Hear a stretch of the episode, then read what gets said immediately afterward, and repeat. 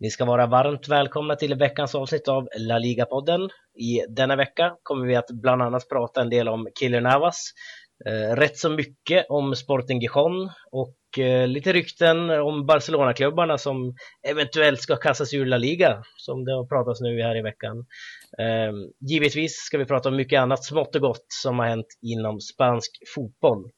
Eh, en fortsatt ganska förkyld Daniel Jakobsson sitter här och håller i programmet tillsammans med Sam Saidi i vanlig ordning. Eh, du var också lite halvsjuk förra veckan Sam, har du pignat på dig nu? Ja, nej egentligen inte. Jag, jag, jag är fortfarande väldigt täppt och det får, får ni ha lite överseende med, kära lyssnare. Eh, ja. tänkte jag säga. Men ja, det, det, det känns sådär. Men eh, det, en podd fungerar alltid. Liksom. Precis, bästa curen liksom. Ja, det finns en, Eller har vi, har vi någon, kan vi sjukanmäla oss där? jag ska ringa dig såhär, Daniel jag ska sjukanmäla dig. Ja, precis. Vem hör jag av mig då till liksom? Det ja, finns ingen.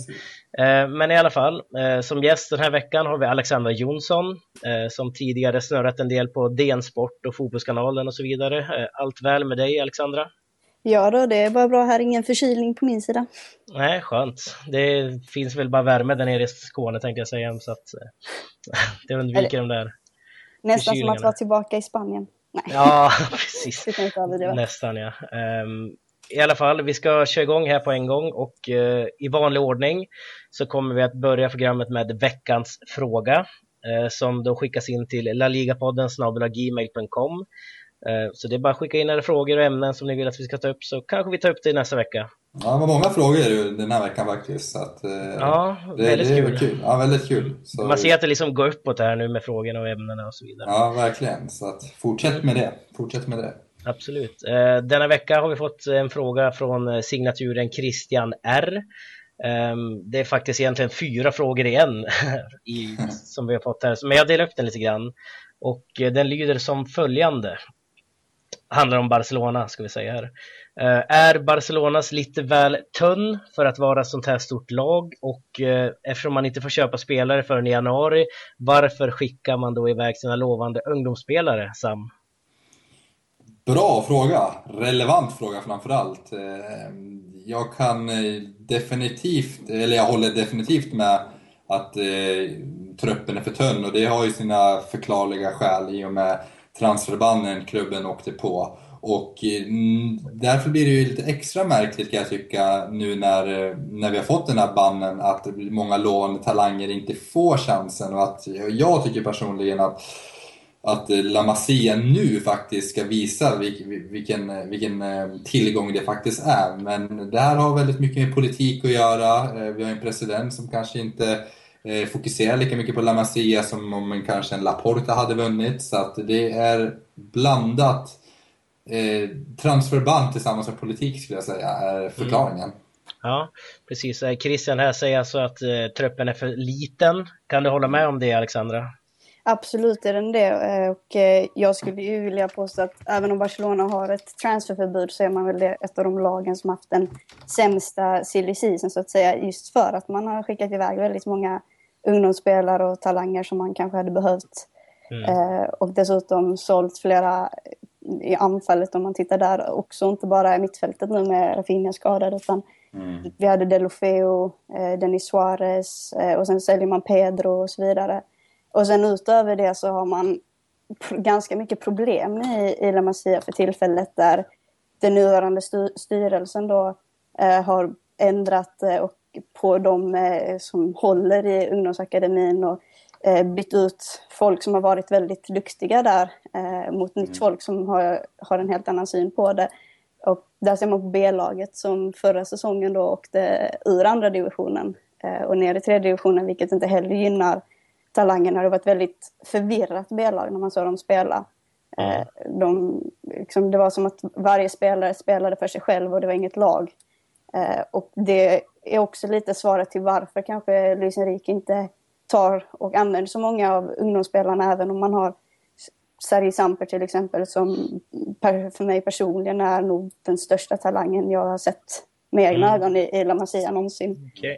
Eh, och det blir lite extra märkligt eh, kan jag tycka att, eh, att det spelar som Denis Suarez och Delofeu som du var inne på.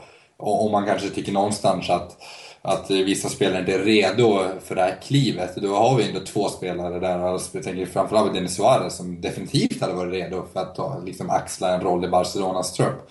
För att mittfältet ser ju otroligt tömt ut nu när Rafinha gick sönder, gick sönder. Och det är inte bara mittfältet utan det här gäller också anfallet. Nu när Pedro lämnade. Nej, exakt. Men och sen också som du var inne på med, eh, om man tar med Samper till exempel, du har Grimaldo också som är en eh, vänsterback som är väldigt, väldigt bra. Eh, både Grimaldo och Samper har egentligen varit redo för att spela La Liga-fotboll i kanske två, tre år nu. Eh, och det, förra säsongen så sa många av motståndartränarna eh, till Barca B att varför spelar Samper på den här nivån? Han är liksom för mm. bra för det. Och då är det konstigt att man låter dem fortsätta att spela i tredje divisionen. Då om du inte vill använda dem i A-laget mm. så ska de i alla fall på lån till La Liga-klubbar för att det är två spelare som inte gynnas överhuvudtaget av att spela i tredje divisionen och inte ha där att göra. De är till och med för bra för andra divisionen. Så det är, det är väldigt konstigt agerande i klubben. Mm, och det har vi åter den här problematiken som vi ofta belyser när det gäller La Liga och strukturen, att man har de här B-lagen i Segunda Division, mm. Segunda B. Det gör ju att de här spelarna, de är ju proffs redan, men de är ju inte på den nivån de kanske ska vara. Eh, och man konkurrerar med lag, klassiska lag, vilket också är problematiskt i sitt sätt. Liksom. Ja. Eh, men, just, Sam, men just Samper tycker jag verkligen vi ska betona, för det är ju en rå talang som Barcelona vill kasta bort. Och det, Barcelona har ju blivit lite, eh, istället för att främja talang så har det blivit att man kastar bort talang. Och jag hoppas inte Samper går, liksom, nå det ödet. Eh, så att det är mm. synd. Sen är det en annan som jag vill lyfta fram, det är väl Adam, som jag var svag för förra säsongen i Barca B, det är väl Adama Traoré. Som också försvann mm. i det stora hela. Gick till Premier League där Ja, precis. Och det är en spelare som verkligen hade fyllt en, en funktion i Barcelonas anfall nu, med sin, speciellt med sin lite icke-Barcelona-stil, med sin mer fysiska stil. Och liksom med kraft kom in i mm. straffområdet och han är otroligt snabb. Och jag känner ju personligen att eh, han hade mer att bidra, eller han har mer att bidra än kanske Munir, mm. Eh, som ja. känns iskall. Mm. Jag tycker Munir och Sandro är ju verkligen de som de har bevarat är kanske de som har minst potential. Vilket också är underligt. Ja, härligt. Jag hoppas vi fick svar på din fråga Christian eh, R. Därför nu ska vi faktiskt gå vidare i programmet och snacka lite grann om ehm, Celta Vigos seger mot Sevilla som var stark på många sätt. Vi hade den som veckans match eh, förra veckan. Vi kommer redovisa det resultatet lite senare. Eh, men Celta Vigo åker alltså till Sevilla, vinner med 1-2. Ehm, hur, hur, ser du på den här matchen Alexandra? Jag tycker att det var en otroligt bra första halvlek av Celta de Vigo som spelar en, en riktigt vacker fotboll och utan tvekan sin bästa halvlek den här säsongen. Eh, mycket sämre från, från Sevillas del då. Eh, mm. Andra halvlek så var det helt, en helt annan matchbild där Sevilla kom ut och spelade mer som man kanske förväntar sig att de ska göra. Eh, och eh, då också kommer in i matchen och styr matchen. Eh, men jag tycker ändå Celta förtjänar den där vinsten. Det var en, eh, en riktigt bra match från deras sida. Eh, mm. Så det blir intressant att se hur de klarar sig mot Barcelona nu i veckan. Ja, går väldigt, det går väldigt bra för Celta Vigo som du säger här, fortfarande obesegrade. Sevilla däremot, inte ens segern, ligger faktiskt sist i tabellen just nu. Eh, vad händer med Sevilla Sam? Vad, vad går snett? Är det, vi, vi snackade förra veckan om att de inte har någon anfallare, men är verkligen det det enda problemet? Eller finns det någon obalans i truppen, tycker du? Ja, det är väl en del av problemen. Nu gjorde ju för sig Jorente mål här, vilket jag förutspådde faktiskt. Mm. Men ja, nej, det är klart att det, det, här hänger inte bara på Jorente, utan det här är ju ett eh, problem som hela truppen har, eller som eh, eh liksom är mer en, en, ett kollektivt problem framförallt. Där mittfältet, där ja, ah, jag känner inte igen vissa spelare från förra säsongen. Eh, nu är det väldigt tidigt att uttala sig så jag vill fortfarande dra, dra för stora växlar. Men jag trodde ju, speciellt med tanke på Supercupfinalen mot Barcelona och den comebacken man gjorde där, att spelare som Krondel liksom skulle kunna, ja, skulle kunna bidra med väldigt mycket nytta på mittfältet. Och nu blir det istället att hans forna klubb och han skulle ta ett steg upp i karriären kommer att liksom köra över honom i stort sett. Mm. Ehm, så att det är ju lite missräkningar. Men jag skulle ändå vilja säga att saknaden av Carlos Bacca, man kan säga att ja, de saknar en målskytt, men Carlos Bacca var ju också mer än en målskytt, han var ju väldigt involverad i spelet. Så att. Eh, det, det, hänger väl ändå ihop, den här anfallsproblematiken hänger ihop med det här kollektiva ändå. Mm, vad ser du på det här Alexandra? Vad, vad, tycker du har gått snett för Emery och Sevilla så här i inledningen av säsongen?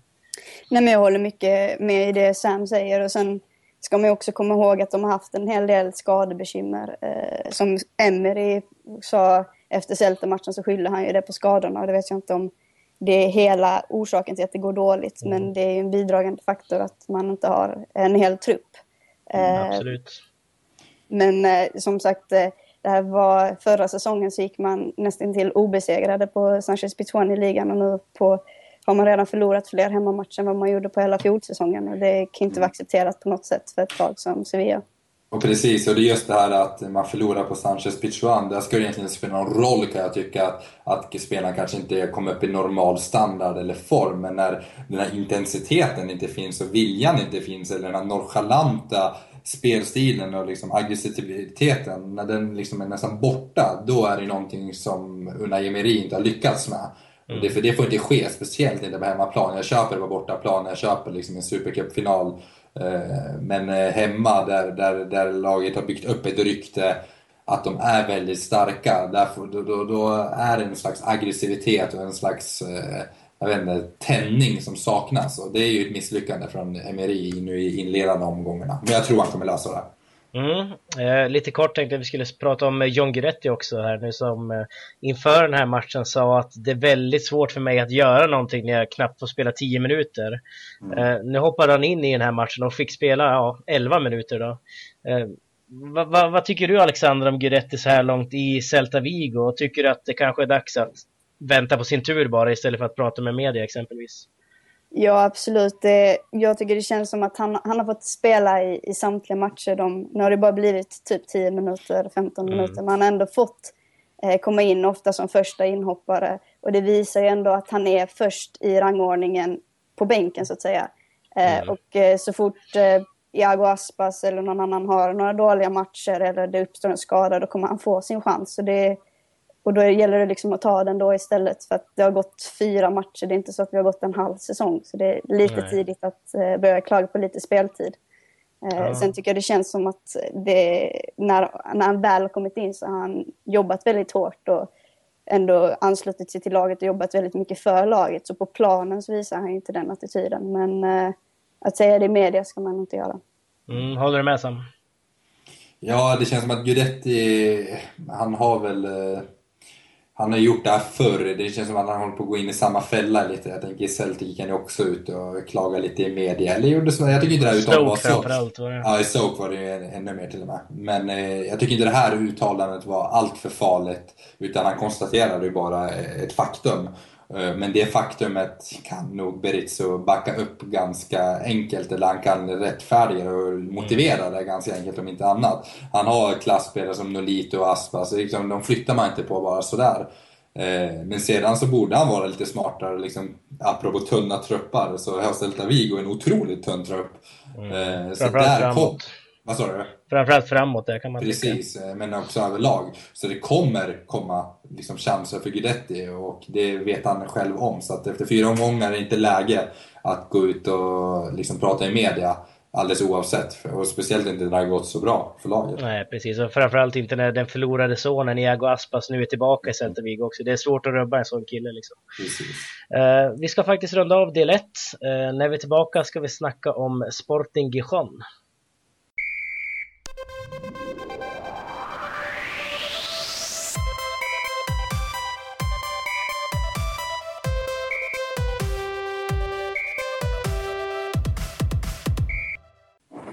Tillsammans med Real Betis och Las Palmas tog Sporting Gijon i fjol klivet upp till Primera Division från Segundan. Och eh, ser man till de inledande fyra matcherna så har det ju börjat rätt så lovande ändå måste man ju säga. I helgen besegrade Sporting självaste Deportivo på resor med 2-3. Det är helt otroligt. Um, och det var en väldigt underhållande första halvlek framförallt måste man ju säga. Vad har du att uh, säga om matchen generellt Alexandra? Nej men som du säger så första halvlek var ju helt underbar att titta på där. Uh, jag tog det 15 minuter så var det i alla fall två eller tre mål. Uh, och mm. det bara rullade på. Så det var väldigt underhållande första halvlek. som jag tyckte Sporting framförallt eh, med Halilovic och Sanabria visade upp eh, en mm. teknisk och, och vacker fotboll också. och även Deportivo Eh, visade upp en bra boll. Så det, var, det var en kul match att se specifikt första halvlek då. Eh, lite ner på tempot i andra halvlek men man kan väl inte förvänta sig att den intensiva målproduktionen ska hålla igång en hel match. Nej, precis. Men eh, som du säger, alltså, vi hade alltså 0-2 till Sporting Gijon efter åtta minuter. Eh, kvarten därpå så har vi 2-2. Bara sex minuter därpå har vi 2-3. Eh, och just Halilovic är ju, han var ju fruktansvärt bra i den här matchen. Eh, Fernando Navarro som var vänsterback byttes ju ut efter dryg timme bara för att han var helt borta. Efter det så bytte Halilovic ut. Det var liksom, de bytte varandra, managers. Eh, men eh, vad säger du om matchen Sam? Resultatet i sig, vad betyder det för Sporting Gijon? Ja, det betyder ju väldigt mycket. Den här starten kunde de nog inte ens själva hoppas på tänkte jag säga. Men samtidigt så skulle de nog kunna gjort det med tanke på den här framgångssagan. Den här matchen i sig Eh, är kanske för oss utomstående som inte följer eh, Sporting Gijon hela tiden eh, liksom en, en, en chock att de går så bra i liga. Och framförallt vinner på Reasor. Det är inte alla som gör Och framförallt på Reasor också, det är inte alla som vinner där. Nej, det är inte lätt. Eh, men också de här spelarna vi har varit inne på. Nu har jag ett gott öga från Halilovic som kommer från en försäsong med Barcelona. Eh, en spelare som jag redan visste då, eh, har en otroligt hög potential och jag blir nästan lite lycklig i själen när jag ser att han får ut den i ett så charmigt lag som Gijon. Men även eh, tvåmålsskytten där, Sanariba. Eh, otroligt eh, liksom, duktig anfallare och 19 år. Det är helt fantastiskt. Eh, och det här laget bara fortsätter gå klarhet i klarhet. Har en, en, eh, en väldigt liksom, ung medelålder om jag fattar det här rätt. Tror jag 23 den låg på. Ja, 23,8 tror jag det var. Ja, det är helt, helt otroligt. Och att man kliver in på självaste Riazor alldeles oavsett. Eh, Deppo som ändå var lite mer på gång som du förklarade förra podden Danne. Att du tror att i år kommer Deppo kanske leverera lite mer än vad man gjort tidigare år och kliva in på Riazor med den historiken och med så ungt lag och bjuda på den fotbollen, det är otroligt starkt gjort. Precis. Sen, sen ska man komma ihåg att eh, mål, det första målet det var ju deras första mål i La Liga den här säsongen. Och så gör de två mm. mål på åtta minuter. Det är mm. rätt häftigt.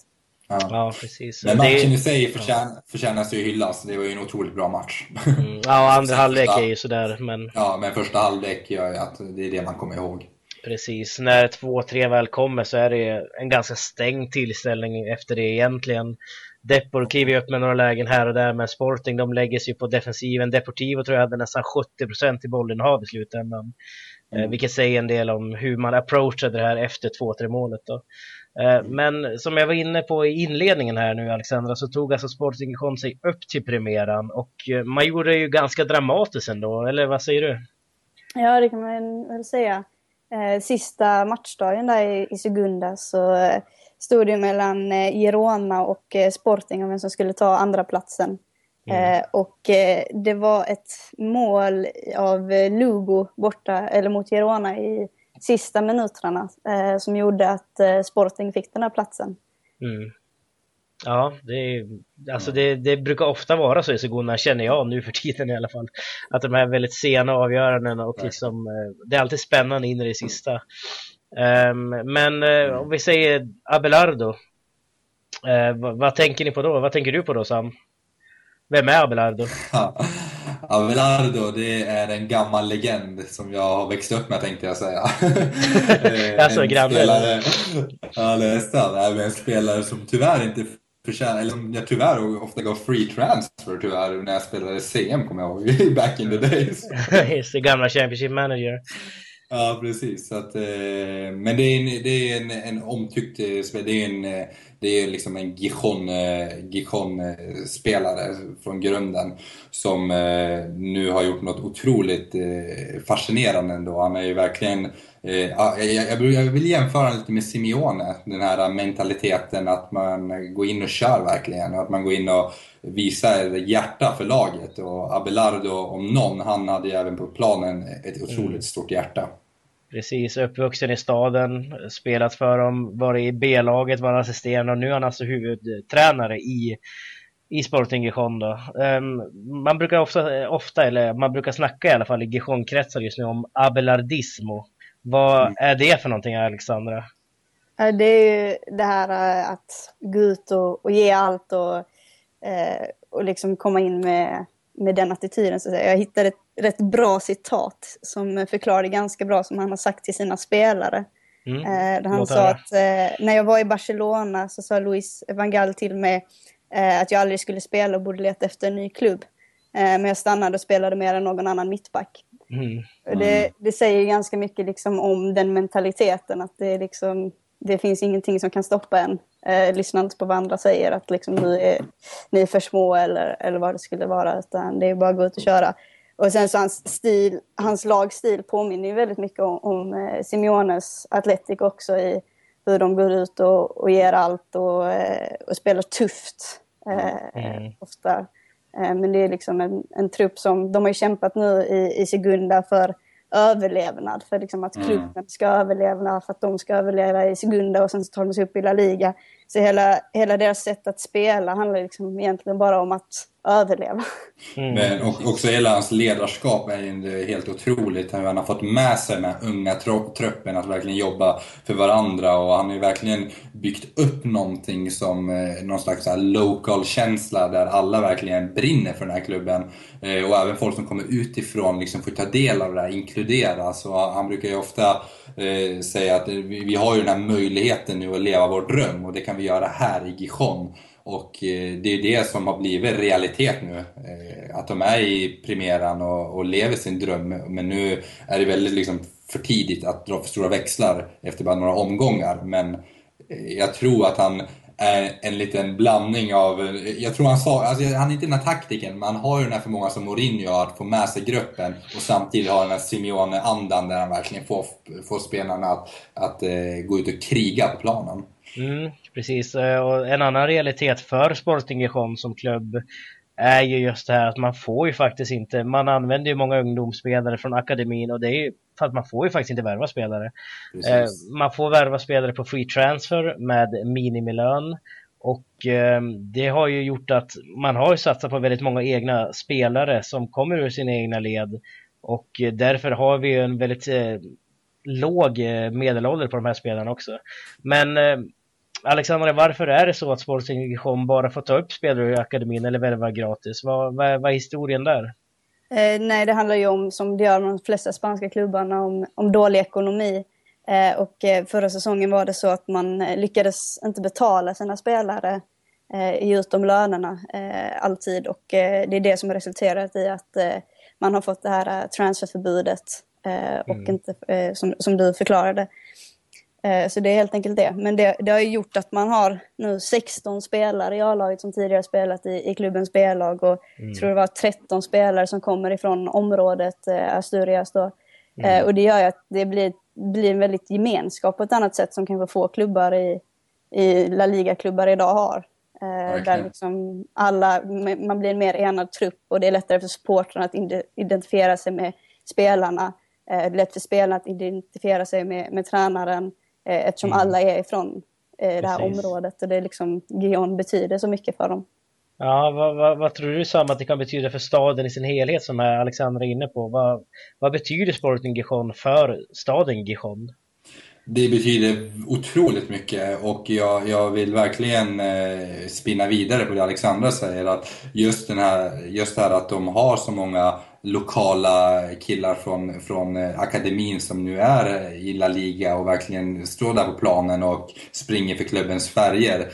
Det gör att man kommer bort från den här moderna fotbollen som vi har kritiserat i så många tidigare poddar. Utan här får vi eh, liksom se något annat. Liksom, vi får se det här Eh, mer klassiska där eh, någon har gått igenom alla de här eh, från, B, eller från ungdomsleden ända upp till A-laget. Och man visar någonstans att det fungerar också. Vi har lyckats. Vi behöver inte köpa in så många spelare och du behöver inte ha en fet plånbok utan det räcker ibland. Mm. Men sen så ska vi liksom inte...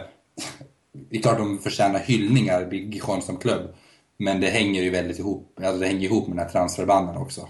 Precis, och alltså vi romantiserar ju någonstans det här just mm. nu med att Eh, Gijon har så många egna spelare, man har en tränare som är från, liksom från Gijon. Men eh, Låt men det, det, det, får man göra ibland. Absolut, man får romantisera det. Men alltså saknas inte någon slags spets i det här laget, Alexander, kan du tycka? Att man har, saknar liksom den här klara stjärnan som ska sticka ut, som ska rädda dem och liksom, ja, hela den biten. Jo, så är det ju. Nu, om man kollar på, efter de, speciellt efter den senaste matchen, så känns det ju lite som att eh, Sanabria har blivit den stora stjärnan. Eh, mm. speciellt efter hans två mål och det är väl han och Halilovic som är de som sticker ut. Men det är ju två väldigt unga spelare så det är inte spelare som eh, ska liksom ta ett helt lag på sina axlar precis. Så det är inte de här typiska stjärnspelarna som ett lag ska vara runt utan det är ju unga talanger som håller på att utvecklas och är i början av sina karriärer. Så det är klart att man saknar, saknar en sån spelare. Men så är det också mm. när man har ett så pass ungt lag. Det är den yngsta truppen i La Liga och det finns liksom ingen riktig veteran i laget på samma sätt. Nej, har, har man truppen då att hålla sig kvar Sam? Det är svårt att säga. Eh, jag vet inte hur vi tippade dem eh, innan säsongen, men... Eh, på Svenska ja. fans så tippade vi dem tvärsist faktiskt. Ja, jag gjorde det. ja. ja. Det är svårt att säga. Det är väldigt svårt att spekulera. Jag vill inte som sagt dra för stora växlar av den här starten. Men eh, om jag får fortsätta romantisera dem så liksom, klart de håller sig kvar. Mm. eh, Som vi gjorde med Eibar i fjol. Precis, men sen så kommer ju verkligheten i kappen och då kommer den här problematiken som du är inne på, att rutinen, den här klara stjärnan, när, när liksom spelet inte stämmer till 100% när man är inne in i en dålig period, då krävs det ofta rutin. Det krävs li, lite mer spetskompetens eh, som har liksom utsatts för den här situationen tidigare och där kan man fallera. Eh, men jag både hoppas och tror att Gijon faktiskt håller sig kvar, att Abelardos lite jävla anamma inställning eh, håller över en, en hel säsong. Det, det, tror jag i alla fall och jag hoppas på det. Mm. Eh, och det vore ju ja, det vore kul. Jag älskar ju deras fans om inte annat. Ja, det är liksom så passionerat på läktarna. Det behövs. De, de är en frisk fläkt och det hade ju varit helt underbart om Oviedo också, Real Oviedo, Oviedo kunde komma upp. Mm, det skulle vara roligt. derbyt hade varit fint. Ja, det hade varit ett ja. häftigt derby. Men eh, vad tror du Alexandra? Klarar sig Sporting Gijon kvar med den här truppen man har? Jag skulle vilja jämföra deras situation lite grann med hur det såg ut för Eibar under fjolåret. Det var en liknande en ganska orutinerad trupp som gick upp i La Liga. Um, och en lag som, som också har den där mentaliteten att man, liksom, man bara går ut och ger allt vad man har. Uh, och den viljan och det, det funkar ett tag. Uh, men det funkar inte över, över en hel säsong som vi såg med Eibar. De började väldigt, väldigt starkt, vilket mm. de nu även har gjort den här säsongen. Uh, men sen på, på hösten där, så, eller på våren menar jag, mm. så förlerade det totalt och man var, åkte egentligen ur La Liga men mm. klarade sig kvar för att eh, Elche inte mm. klarade ekonomiska. Så att, eh, jag känner att det, det, känns som att det kan bli en liknande situation för Sporting för att man har inte den där, man har inte den där erfarenheten och eh, vilja räcker långt men det är inte alltid det räcker hela vägen. Speciellt inte i, när man spelar i en liga som är kanske världens bästa. Som är världens bästa. Som ja, är världens bästa. Ja, speciellt där i januari, februari. Det är, där de, det är ja. tunga månader för de här mer eller mindre erfarna klubbarna. Precis. Um, härligt! Vi ska sätta stopp för del två och uh, i del tre som även är den sista så ska vi prata lite Killer Navas bland annat.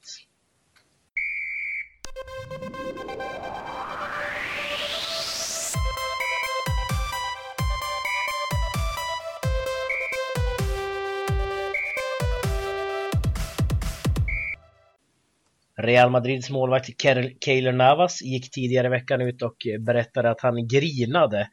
Eh, alltså lipade, han var väldigt ledsen eller glad, det vet vi inte än. Eh, minuterna, ja grät, efter att transferfönstret hade stängt när övergången till Manchester United inte gick igenom. Som sagt, om det var glädjetårar eller sorgetårar, det vet jag inte. Men det är ändå intressant att prata lite grann om just Keylor Navas. Eh, för Navas är nu den tionde målvakten i La Ligas historia att hålla nollan fyra matcher i rad under en säsongsinledning. Eh, Sam, vad har du för tankar kring Keylor Navas generellt? Ja, eh, att han, eller att Real Madrid inte förtjänar hans tjänster. okay. lite, så, lite så känner jag just nu med tanke på hur de har behandlat honom jag tycker inte man tar in La Ligas bästa, i särklass bästa målvakt som det var för någon säsong sedan. Där han mer eller mindre höll kvar ett, ett Levante på egen hand. Och då, då pratar vi verkligen på egen hand. Eh, jag skulle verkligen säga att han specifikt såg till att den klubben höll sig kvar den säsongen. Mm. Eh, så bra var han.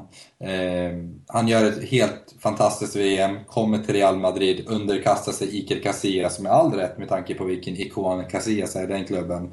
Väntar på sin tur och han tar sin, och, och, och får den året efter tar den, gör det bra, men ska ändå bli ersatt av en spelare som för det första kommer från rivalklubben, som eh, för det andra är väldigt bra såklart, men det är, liksom, det är ingen stor skillnad på de målvakterna. Jag tycker att Navas faktiskt håller ganska liknande klass som, som de Gea. Mm. Eh, och sen eh, kommer hela den här uh, såpan med klubbarna som inte lyckas eh, få in papperna rätt eller vad som nu hände. Eh, så att jag förstår honom att han grät. Jag tror nu att det inte var, eller att det var glädjetårar, någon slags, eh, inte glädjetårar men någon slags en lättnad. Lättnad, lättnad eh, att han nu blev kvar. För han vill ju vara kvar i Madrid. Han vill ju inte skeppas iväg till de brittiska öarna och regn. Nej, men är han tillräckligt bra för att vara Real Madrids första målvakt, tycker Alexander? För det är ju ändå världens största klubb vi har att göra med här nu, Real Madrid. Ja, men det tycker jag absolut han är. Det, är. det är en av världens bästa målvakter vi har att göra med också, skulle jag vilja säga. Mm. Eh, då efter hans sejour där i, i Levante, när han som Sam sa, på egen hand eh, höll dem kvar i La Liga och var i särklass La Ligas bästa målvakt inför VM. Eh, så sa jag själv att jag tyckte han var kanske till och med världens bästa målvakt. Och eh, under VM så bevisade han mig mer rätt än fel i alla fall. Mm. Eh, så att, att liksom se så som han har blivit behandlad i, i Real Madrid, det gör, det gör ont att se en så pass bra målvakt. En, och dessutom en så pass snäll kille, för det är ingen kille som det känns som skulle gå och säga emot, utan han, han går med på vad som än händer för att det är så Gud har bestämt ungefär. Mm. Eh, så han går efter, går efter livet, eller vad man ska säga. Mm. Eh, så det är därför han gick med på att han skulle gå till Manchester United. För att om, om det blev så så var det så Gud hade sagt att det skulle ja. bli. Ja, det är deterministisk syn. ja. Men, Men äh... det, är, det, är en fantastisk målvakt. Och som han har ju bevisat nu på, det har kanske inte varit det svåraste motståndet som Real Madrid har ställts mot. Men han har ju ändå visat klass och jag tror definitivt att det är en målvakt som som kommer göra den där platsen till sin egen i Real Madrid. Sen får vi se om Real Madrid fortfarande vill ha de Gea Eh, Eh, efter den här säsongen eller till, till vintern. Det, beror, det är lite upp till Navas känns det som. Ja, precis. Eh, fyra raka nollor i eh, ligan alltså. Um, och dessutom i Champions League för den delen. Um, vad är det som gör honom så här bra Sam, tycker du? Vad är det som du tycker Kaeli Navas gör som gör så att han sticker ut i målvaktspositionen? Eh, framförallt är det ju hans, eh, ja, ska man säga, reflex eller linjespel. Han är ju otroligt duktig eh, linjemålvakt. Eh, kan göra helt fantastiska räddningar, väldigt liksom eh, snabb i tanken. Eh, så där har han ju, där är han ju helt exceptionell skulle jag vilja säga. Eh, om det är något annat, hans, hans ledarskap, eh, nu, nu har han ju inte spelat, nu har ju säsongen inte gått så långt, men jag tänker, jag tänker framförallt på Levante-tiden här nu. Mm, han har inte spelat så mycket i Madrid, men under, i Levante, under Levante, när han spelade där, och i VM så var ju hans ledarskap också något som stack ut väldigt mycket. Pondusen på planen. Eh, lite så här klichéart, eller så lite klyschor att säga, men det, det stämmer i det här fallet. Mm. Härligt. Eh, vi ska gå vidare och snacka lite grann om Barcelona och Espanyols framtid faktiskt. Ehm, kanske ni undrar vad jag menar med det. Men eh, det har nu i veckan, eller i helgen, pratats av eh, Tebas och Cardenal att om Katalonien blir självständiga så kommer eh, Barcelona, Espanyol och eh, Girona och eh, El Hospitalet och alla andra katalonska lag bli utkastade ur det spanska ligasystemet. Um, hur tänker du när du hör det här Alexandra? Vad, vad, vad är din spontana reaktion?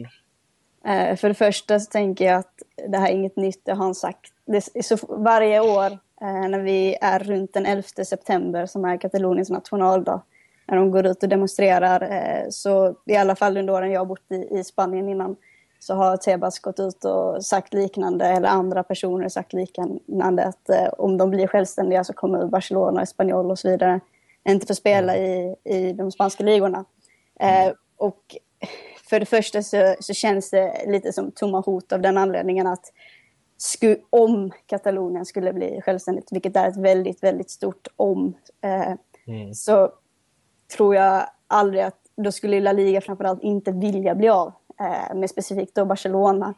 Eh, det är ett lag som betyder väldigt mycket för La Liga. Eh, just nu har vi, på senare år har, vi, har många eh, klagat över att det varit en liga som handlat om två lag. Skulle Barcelona försvinna så blir det helt plötsligt en liga som handlar om ett lag. Mm. Eh, och eh, Florentino Pérez, Real Madrids president, har ju själv sagt att om Barcelona inte existerade så hade Real Madrid fått uppfinna dem. Eh, för de betyder så mycket för, för Real Madrid. Och mm. Samma gäller ju för La Liga. Då, så jag tror aldrig det skulle hända. Eh, och sen för det andra så att Katalonien ska bli självständigt ser i dagsläget väldigt långt borta ut. Eh, det, det är liksom inte en situation som jag tror ens kommer kunna ske inom närmsta framtiden. Speciellt för att Spanien kommer inte tillåta att Katalonien ska bli självständigt. De, Katalonien vill få en omröstning, Eh, att få, få rösta om sin självständighet och för att få det måste Spanien godkänna det, vilket aldrig kommer ske. Så Kataloniens plan är lite att få resten av världen att se att Spanien är odemokratiska och få dem att agera. Eh, och resten av världen bryr sig inte riktigt tillräckligt mycket för att hjälpa Katalonien i den här frågan. Och om vi kollar i nuläget med flyktingkatastrofen och allt sånt så finns det nog rätt mycket annat som EU och så vidare eh, behöver fokusera på än Kataloniens framtid. Så att eh, för det första tycker jag det är en icke-fråga i det att Katalonien antagligen inte kommer bli självständiga. Eh, och för det andra att om de skulle bli det så kan jag inte se att La Liga skulle vilja bli av med Barcelona. Nej. Ett så pass viktigt lag lite tomma hot här pratar Alexander om. Det får mig att tänka på Gibraltar faktiskt. Eh, när de skulle bli självständiga då snackade Tebas väldigt mycket också och sa att det var väldigt odemokratiskt att eh, Gibraltar skulle bli ett eget land i Uefa då. Eh, och det var väl bara de och Vitryssland tror jag som röstade nej mot det där och Vitryssland gjorde det för att de tryckte på fel knapp. Eh, medan Spanien, Spanien var rädda för att exempelvis Basken, Galicien eller Katalonien skulle liksom bryta sig loss också. Det var ju mer eller mindre det han sa. Eh, men det har ju inte hänt. Så det, tror jag tycker han jobbar mycket med tomma hot Sam. Ser du det här som en, någon realism i det hela, det han pratar om, Tebas? Ja, men det är väl det som kännetecknar Tebas tomma hot, mycket prat, lite verkstad. Han, han, eh, det, det är som Alexander säger, det här är inget nytt. Varje år 11 september så kommer det samma hot. Och när, men när det väl kommer till kritan så kommer han inte utesluta varken Espanyol, Barcelona, eller Girona eller Hospitalet. Eh, utan de är båda alldeles för beroende av varandra. Så enkelt är det. Kan jag också säga det att ingen av katalanerna tar det här hotet på Hans idé är väl att han ska få lite av Katalonien eftersom i Spanien så betyder fotboll så otroligt mycket för folket att eh, det mm. hör ihop med politik och med samhällsproblem och allt möjligt. Kommer in överallt. Så hans idé är väl att i och med att säga detta så ska han få lite av katalanerna att ändra sin vilja att bli självständiga men ingen av dem tar ju någonting som han säger på allvar så att eh, alla vet att skulle vi bli självständiga så kommer vi spela hela liga. Mm. Och katalanerna är ju, är lika självsäkra ungefär på att de skulle få en plats i EU, även fast EU säger att de skulle få kämpa för det. Så Sen ska vi komma ihåg också, nu låter det också lite som att katalanerna här vill ha självständighet. Vi måste veta att det är en delad befolkning. Jag tror det är någonstans 50-50. Jag tror till och med de som inte vill separera, eller de här icke-separatisterna, de är till och med större än separatisterna eh, som vill ha ett självständigt Katalonien. Så alldeles oavsett om det skulle finnas en majoritet som vill ha ett självständigt Katalonien så är det som Alexandra var inne på rent eh, liksom, byråkratiskt och allt annat eh, i stort sett långt i framtiden. Mm. Ehm, men nu är, inte, är, vi inte ens där. Vi har inte, det finns inte folkligt mandat för det. Nej, precis. Eh, anledningen till att jag tar upp det här är ju för att det blivit så stor grej i Sverige helt plötsligt. Jag ska inte nämna några tidningar, men vissa jobbar med getingar och vissa jobbar med lite annat eh, som har tagit upp det här. Och därför en ganska aktuell fråga ändå. Men mm. jag tror vi diskuterade exakt det här för drygt ett år sedan också, om jag inte missminner mig. Vi som Tebas i podden, vi kommer också tillbaka varje år. ja, precis. Det kommer antagligen bli ett exakt likadant nästa år igen. ja, säkert. Och vi kommer vara lika chockade varje gång. Ja. Um, men i alla fall, vi börjar faktiskt närma oss slutet av veckans avsnitt. Um, tanken var att vi skulle snacka lite David Moyes, men um, det får vi nog ta nästa vecka förmodligen. Ja, vi ger en match till känner jag. Vi ger en match till. Just nu så leder de faktiskt i talande stund med 0-2 också. Precis. Um, men vi ska gå till veckans match. Um, eller Sam vs Daniel eller Sam vs Daniel vs Gäst. Vi vet inte vad vi ska döpa det här till än. Det, det, har gått en månad nu men uh, vi kör på Vem det. Vem leder? Uh, Sam leder faktiskt. Sam leder än så länge. Det var förra, förra matchen? Landslaget tror jag fick in va? just. Mm.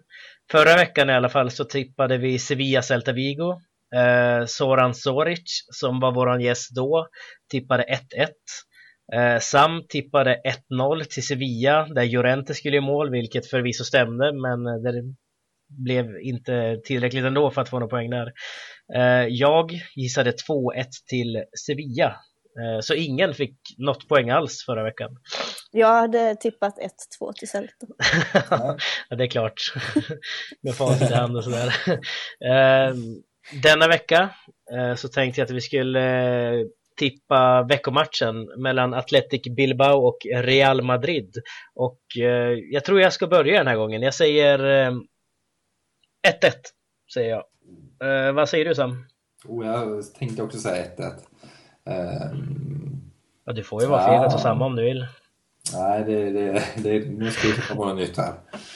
Ska vara lite kontroversiell, eller kontroversiell, det är inte lätt på samma mäss. Um, nya samma mäss. Nya samma mäss till och med. Nej, nej, jag kör 0-1 till Real Madrid. Nej, 0-2 till Real Madrid. 0-2. Han håller nollan igen alltså, killen. Ja, Navas, han är fin. eh, vad tror du, Alexandra? Jag tror eh, Navas får släppa en boll förbi sig, så jag säger 1-3. 1-3, okej. Okay. Ni tror på Real Madrid, jag tror på ja, Real Madrid förvisso, men i alla fall lika resultat där. Eh, Sam, kan du köra veckans lista, veckans Tokiero och veckans Faber? Ja, det är dags för det. Och eh, har jag fått fundera lite under poddens gång. Jag har haft lite alternativ, men veckans Tokiero stod väl lite mellan Fernando Torres och Rayo Vallecanos eh, matchdräkter som jag är så otroligt fascinerad över. Ja. Men jag vill spara den tror jag. jag vi tar den en annan gång. Den kommer yeah. få det när det blir en lite torrare vecka. Men eh, Fernando Torres, eh, hans försäsong som sådan, Sorge var inne på förra veckan, eh, talar sitt tydliga språk och han eh, gör ett mål, ett assist den här den här uh, veckan, den här omgången och visar prov på väldigt bra form. En liten på, nytt, på, på nyfödelse, kan man säga så? På nytt mm. lite i alla fall, reinkarnation. Uh, han har hittat hem och han gör det bra med tanke på konkurrensen. Mm, så veckans Toquero, Fernando Torres. Härligt, det, var, det trodde jag inte jag skulle höra när han kom där. Nej, inte jag heller. Det är hans Men, första tror jag. Ja, det tror jag också. Ja. Veckans Faber då?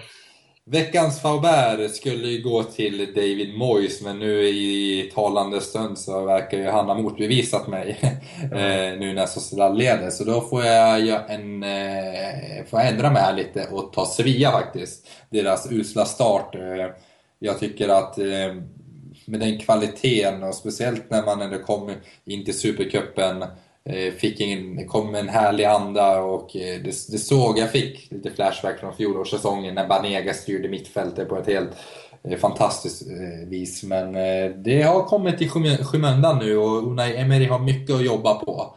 Och därför får Sevilla veckans Faubert. Mm. Kan du köpa listan Alexandra?